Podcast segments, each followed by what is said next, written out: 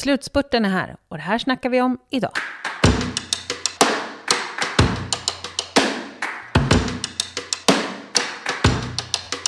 Det är mycket som står på spel nu. Vilken inriktning Sverige ska ha ligger i väljarnas händer.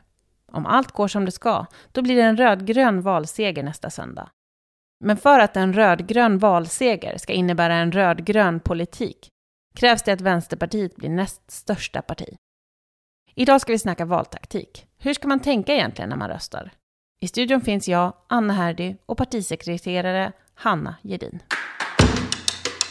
Igår onsdag gjorde jag en intervju med Vänsterpartiets partisekreterare Hanna Gedin. Och innan jag spelar den för er vill jag komplettera med ett par saker, för i valrörelsen, då går det fort. Idag, torsdag, publicerar Svenska Dagbladet en intervju med statsminister Magdalena Andersson, där hon menar att en överenskommelse som Vänsterpartiet slöt med Socialdemokraterna och Miljöpartiet i november om ett samarbete efter valet lika gärna kan tolkas som att Socialdemokraterna kan budgetförhandla med andra än Vänsterpartiet även om Vänsterpartiet låtit henne bilda regering. Om du kan så tycker jag verkligen att du ska läsa intervjun. Först svarar hon på frågan utifrån premissen att det finns ett avtal och understryker att det är uteslutet att vi ska ha en ordning där Vänsterpartiet skulle acceptera en statsminister utan att ha inflytande över politiken. Citat, så kommer det inte se ut igen, slutcitat, menar statsministern. Sen får hon avtalet uppläst och då tycker hon att det finns ett kryphål då tycker hon plötsligt att journalisterna gjort en tolkning som är alltför långtgående. Hon menar att det faktum att hon lovat att budgetförhandla med Vänsterpartiet om Vänsterpartiet hjälper till att rösta fram henne i en statsministeromröstning är felaktigt. Det är ett bisarrt sätt att förhålla sig till politiskt alliansbyggande. För det här är ju precis vad Sverige behöver. En statsminister som letar och hittar kryphålen i sina egna vallöften. Inte särskilt statsmannamässigt, va? Om vi i det här landet, efter 30 år av privatiseringar och nedskärningar, ska ändra på den utvecklingen så behöver vi ta tillbaka kontrollen. Väljarna måste kunna förvänta sig att den riktningen gäller. Inte att statsministern kommer att tillträda på förhandlingar med rödgröna partier och sen regera på Moderaternas budgetar. Socialdemokraterna går till val på att ta tillbaka kontrollen. Det måste ju betyda någonting, inte bara vara ord på en affisch. Nu är det upp till väljarna att göra Vänsterpartiet tillräckligt starka så att en rödgrön valseger också betyder rödgrön politik. Nu ska vi prata ännu mer om detta med partisekreterare Hanna Gedin.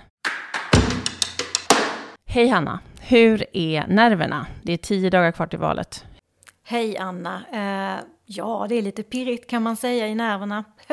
Men eh, det känns också fantastiskt när man tittar sig runt omkring i Sverige och ser alla vänsterpartister och aktivister som är på tårna och valarbetar och verkligen sliter och kämpar. Så att det är också väldigt fint att bedriva en valrörelse. Alltså det är som ett, ett härlig eh, högtid nästan för en, en människa som är aktiv i ett parti. Det är det, det är verkligen en högtid. Och kanske särskilt med tanke på att vi har haft två år av pandemi. När vi i vårt aktivistiska parti som ändå Vänsterpartiet är har blivit väldigt begränsade i vad vi kan göra. Så att nu äntligen få snacka politik med folk på ett, ett mer normalt sätt mm. tror jag många uppskattar. Mm.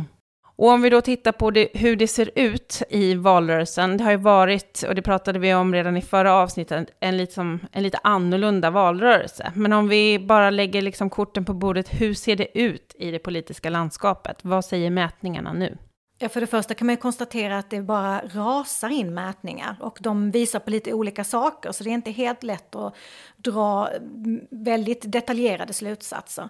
Men man kan ju konstatera att Socialdemokraterna är ohotade ett att det går ändå relativt bra för det rödgröna blocket. Man kan ju också konstatera att Miljöpartiet ser ut att klara sig eh, över spärren eh, och att det eh, bådar ju gott inför möjligheterna att ha en rödgrön regeringsbildning. Sen kan man ju se att Moderaterna verkar ha klappat igenom fullkomligt, åtminstone enligt de senaste mätningarna. Eh, och att eh, det är svårt för borgerliga väljare kanske att fundera kring hur de ska taktikrösta för att eh, få ett blå blåbrunt block att hålla ihop. Jag tänkte att vi ska eh, i den här podden ägna oss åt att jag ställer lite frågor till dig som eh, människor har och funderingar över hur man ska lägga sin röst och varför.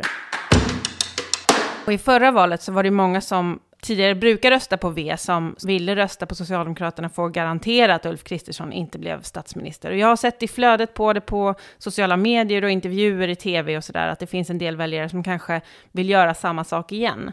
Vad skulle du säga till dem? Ja, men för det första så tycker jag att det är viktigt att man röstar på det parti som man faktiskt tycker är bäst och håller med, med mest om vad gäller politiken. Inte övertänka det för mycket. Men sen så har jag också sett liksom någon form av missuppfattning skulle jag vilja säga att det liksom på något vis är tryggare att lägga sin röst på Socialdemokraterna. Men faktum är att Vänsterpartiet kommer ju aldrig att medverka till att släppa fram en blåbrun regering. Vår statsministerkandidat är Magdalena Andersson. Men däremot vill man ha vänsterpolitik, vill man vara säker på att en rödgrön regering efter valet de facto genomför vänsterpolitik, då finns det ju bara ett parti man kan rösta på, det är Vänsterpartiet. Det Socialdemokraterna gör nu är att söka sig högerut. Man pratar om att man vill ha Centerpartiet i regering, till och med Liberalerna. Och om man inte vill ha samma utveckling som efter förra valet, då måste man ju också rösta och rösta då i det fallet på Vänsterpartiet. Det är det som är garanten mot en sådan utveckling.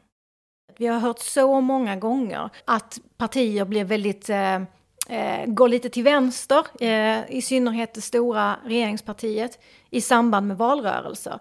Men sen handlar det ju om vem man ska sitta och regera med. Och då betyder det väldigt mycket hur stora de andra partierna i det blocket blir. Därför är det viktigt att Vänsterpartiet blir det näst största partiet i det rödgröna blocket. Det är då vi kan få fram eh, bra reformer. Varför är det då smartast att lägga sin röst just på Vänsterpartiet istället för Socialdemokraterna och Miljöpartiet? Ja, det är ju om man vill påverka politikens inriktning. Ja, men för, för oss så handlar det ju om att få saker och ting gjorda. Eh, politik är ju inte att bara prata om någonting. Vi vill ju få någonting genomfört. Och det är ju klart att blir vi andra största parti eh, på den rödgröna sidan så har vi mycket, mycket bättre utgångsläge att få saker gjorda. Och de sakerna kommer att få en tydlig vänsterprägel. Eh, med oss, en röst på Vänsterpartiet, vet man ju vad man får. Det har ju vi visat gång på gång att vi är garanten för att stoppa den, de senaste 30 årens nyliberala experiment. Vi gjorde det i somras, förra sommaren, när vi stoppade marknadshyror. Vi går till val på en tydlig reformagenda som handlar om att ta tillbaka kontrollen över välfärden. Eh, vi eh, lägger förslag och får igenom det i riksdagen om sånt som faktiskt spelar roll för människor, som till exempel kraftigt höjda pensioner för de sämst ställda pensionärerna. Vi får saker gjort. Eh, och det är en tydlig vänsterprägel på det. En av Vänsterpartiets liksom viktigaste målsättningar med det här valet är ju att det ska bli en rödgrön regering. Varför är det så viktigt?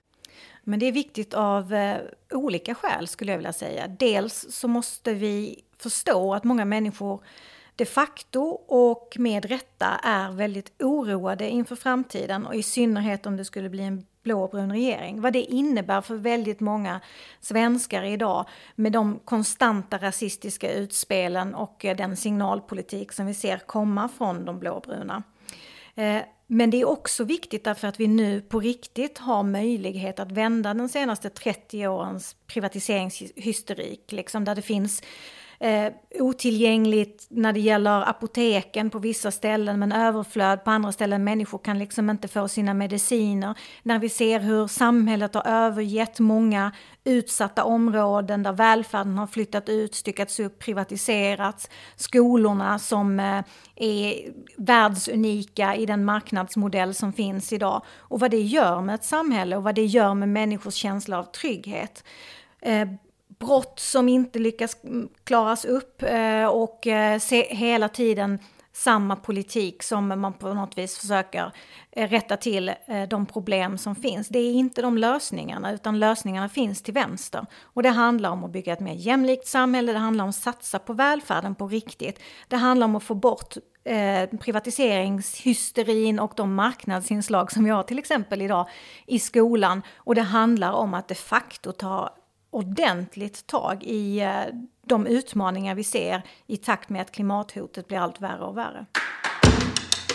Alltså jag tänker målsättningen i en sån regering. Jag fattar att du kan inte sitta här och förhandla vad som ska ingå i, i någon slags regeringsförklaring. Men om man tänker att samarbetet kommer ju ändå behöva på något sätt bestå av Centerpartiet. Mm, tyvärr. Ja.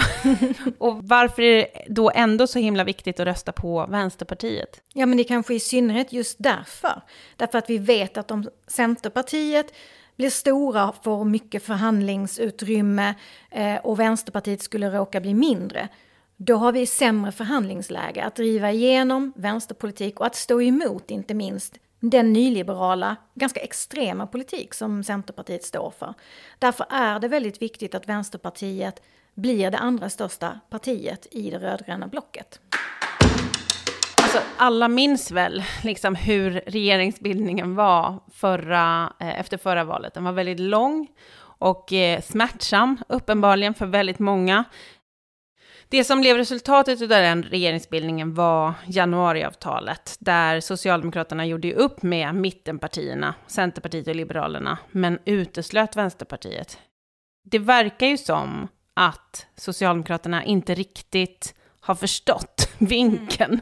Mm. Eh, vad säger du till dem som säger att vi kommer bara bråka och liksom förstöra en regeringsbildning som faktiskt stoppar en blåbrun regering? Men det är väl självklart att Vänsterpartiets eh, flera hundratusen väljare, eh, deras röst ska också ha genomslag, precis som alla andra partiers väljare får när man så att säga eh, kompromissar om politiken. Det är ju egentligen väldigt, väldigt märkligt det som var 2018, 2019, att man trots att man behöver ett parti och ett parti ingår egentligen i regeringsunderlaget, det partiet ska inte ha något inflytande. Det är självklart för oss att våra mandat ska räknas. Och det är inte att bråka. Det skulle ju vara som att säga att Ulf Kristersson inte ska ha något inflytande i, den blåbruna, i det blåbruna blocket för att just nu ser de Moderaterna ut att vara andra största parti. Det är ju mycket, mycket märklig uppfattning.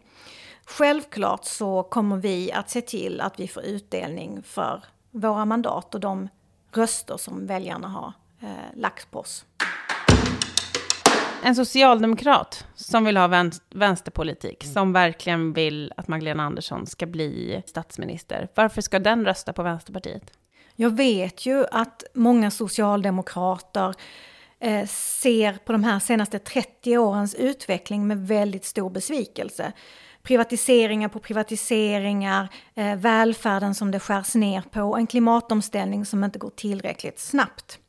Och då tänker jag att då gång på gång rösta på ett parti som dagen efter valet sätter sig i förhandlingar med ett nyliberalt parti, i detta fallet Centerpartiet, producerar fram en nyliberal 73-punktslista. Det är liksom inte så vi kommer att få till vänsterpolitik. Då måste man göra någonting annat i detta valet. Jag tycker att eh, eh, liksom resultaten sedan tidigare talar sina tydliga språk. Jag tycker vi har tydligt visat vad det är för politik vi står för. Vill man ha höjda pensioner? Vill man inte att hyrorna ska gå upp? Vill man ha Sverigepriser på el som människor klarar av att bo och leva? Eh, då är det en röst på Vänsterpartiet som man ska lägga. Idag har vi pratat om hur viktigt det är att man röstar på Vänsterpartiet i det rödgröna blocket. Ska en ny socialdemokratisk regering kunna infria sina vallöften kommer de behöva ett starkt vänsterparti som allierade. Utan oss är risken överhängande att vi får fyra år till av högerpolitik. Och med ett Centerparti som är större än Vänsterpartiet kommer vårt utgångsläge vara mycket sämre än om styrkeförhållandena är tvärtom. Kom ihåg, de enda reformer under de senaste fyra åren som kan betraktas som vänsterpolitik har drivits igenom av Vänsterpartiet under hårt motstånd från januaripartierna. Förbättringar av sjukförsäkringen och den historiska höjningen av garantipensionen är båda Vänsterpartiets verk. Det som står på de socialdemokratiska valaffischerna, att skolan ska vara till för barnen, inte ägarna, kommer bara bli verklighet om Vänsterpartiet blir tillräckligt starka. Se nu till att rösta på Vänsterpartiet så att vi tillsammans kan vända den destruktiva utvecklingen och återigen göra din trygghet till politikens ansvar.